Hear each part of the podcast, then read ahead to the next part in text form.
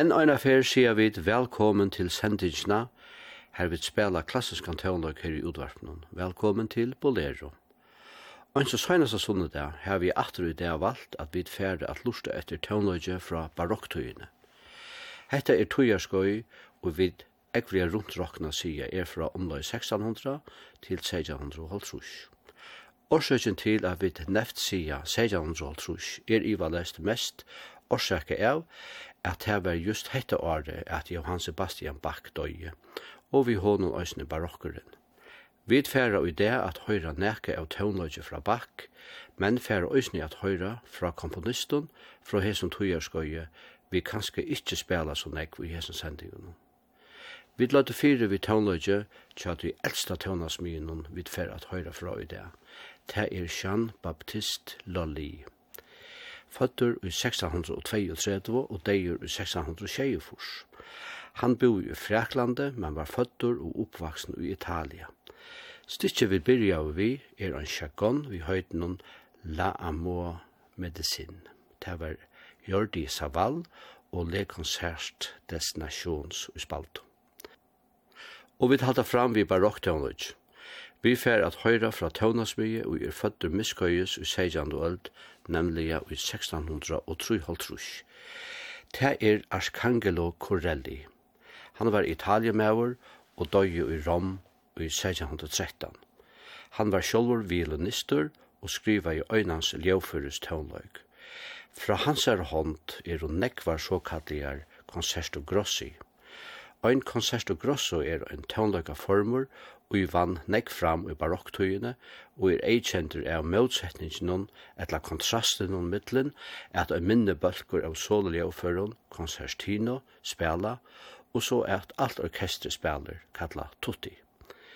Hetta prinsippet høyres til dømest ekvilja vel og i ørens hatse er vi som verst i Corelli, som vi nu fer at høyra, nemlig konserto grosso og på 6 nummer 12 i eftor. Verste hevur fem smáar satsir.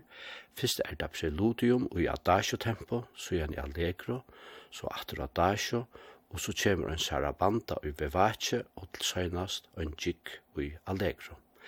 Vi høyra Academy of St. Martin in the Fields under løslo av Sir Neville Mariner. Thank you.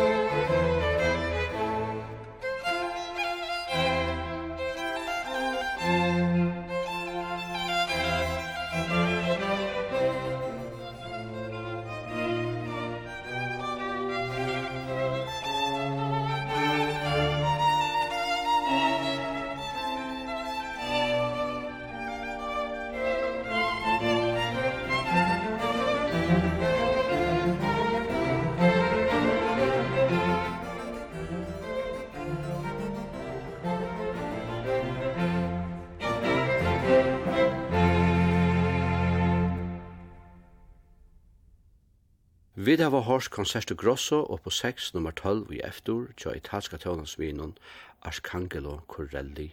Vi levde fra 1653 til 1613 og vi færa nøkker år langt fram i barokktøyina og vi er jo enn i Italia og færa at lusta etter øyne og båkonsert skriva av Alessandro Marcello som var født 20 år etter Corelli, nemlig i 1673. Ta sendra les om henta Marcello, at han blei fødder i Venezia, var tøvnasmyr og eialsmæver. Han var futjalega så vel fire at han i løyvesøgnen fikk dyrka sine tøvnlegalige og ahoamal. Han skriva i nekka av tøvnløyge, øysni under dul nevne. Men utan Iva så er kjentasta versk hans er hendan og båkonserten og vi færre høyre her. Konserten som er i D-moll er i Trimon Satsun, Fyrst er det andante i spiccato, annar satsur er adagio, og tri og søgnaste satsur er i sjåta tempoinun presto. Vi høyra Josef Kiss spela og bo saman med Ferenc Erskel Chamber Orchestra, gjør så vel.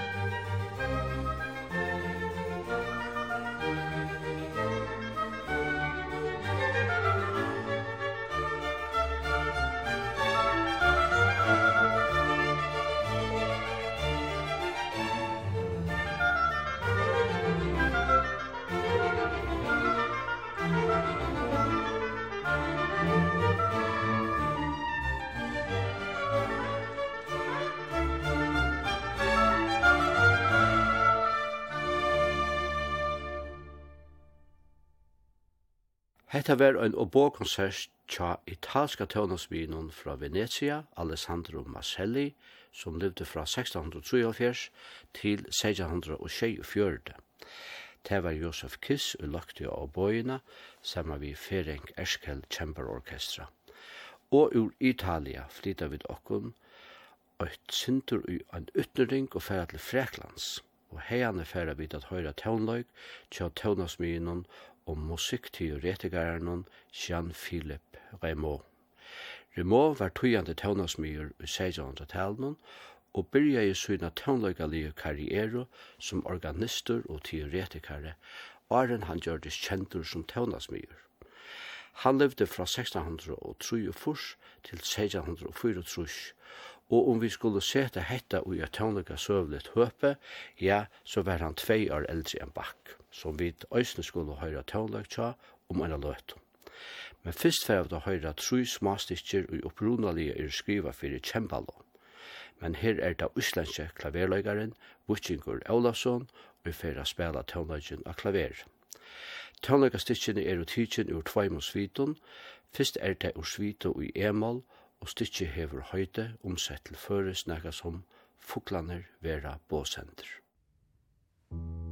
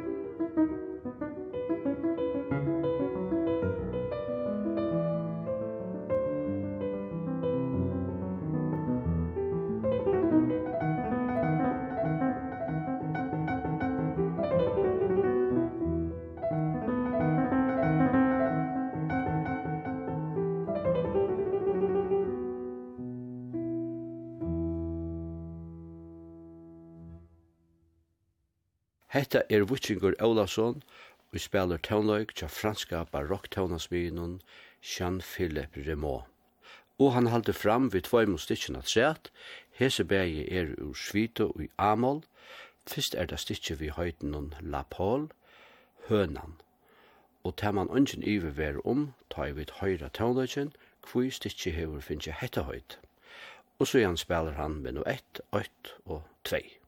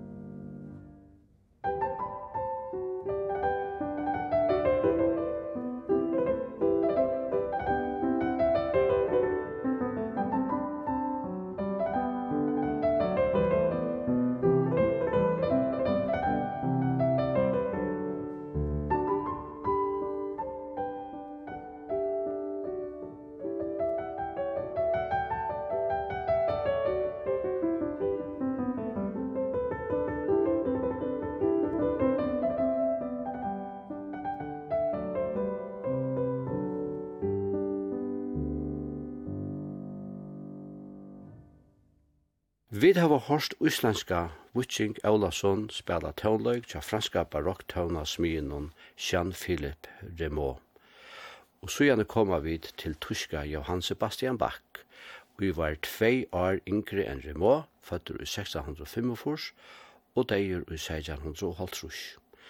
Vi tfer at lusta etter Brandenburger konsert til hånden. Hetta er tan av seks. Høyte kjemur av a bakskriva i henda tøvnløgjen til grøyvan Christian Ludvig ur Brandenburg i Svet. Konsertinar er og derfestar i mars 1621, men ta sikst at orsake av vantande gauon tøvnløgaren til grøyvanon, ja, så blivu konsertinar gøymdar bostur av baukasan i hansara, og var ikkje funna fram atur fyrir enn i 1800 100 år etter deia baks. Ja, det var godt at det kom fram at du løsmala, du hette er sere gauur tånløyker. Vi fer at høyra Brandenburg konsert nummer 3 i G-dur, vi nummer noen BWV 1048 ja Johann Sebastian Bach. Verste er i Trimosatson, fyrst Allegro, så igjen i Adagio, og så atter Allegro. Vi høyra Akademi of St. Martin in the Fields under løslo av Sir Neville Mariner spela. Musik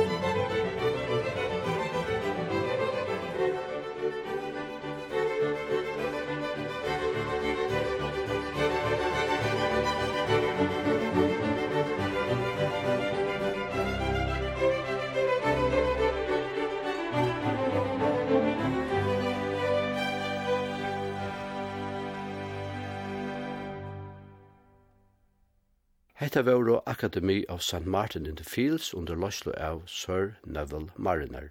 Vi spalte Brandenburger konsert nummer 3 i G-dur tja Johann Sebastian Bach.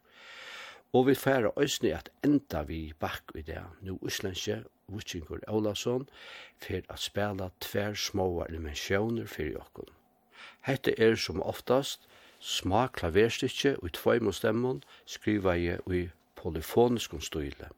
Fyrst høyra vi nummer 12 i Adur.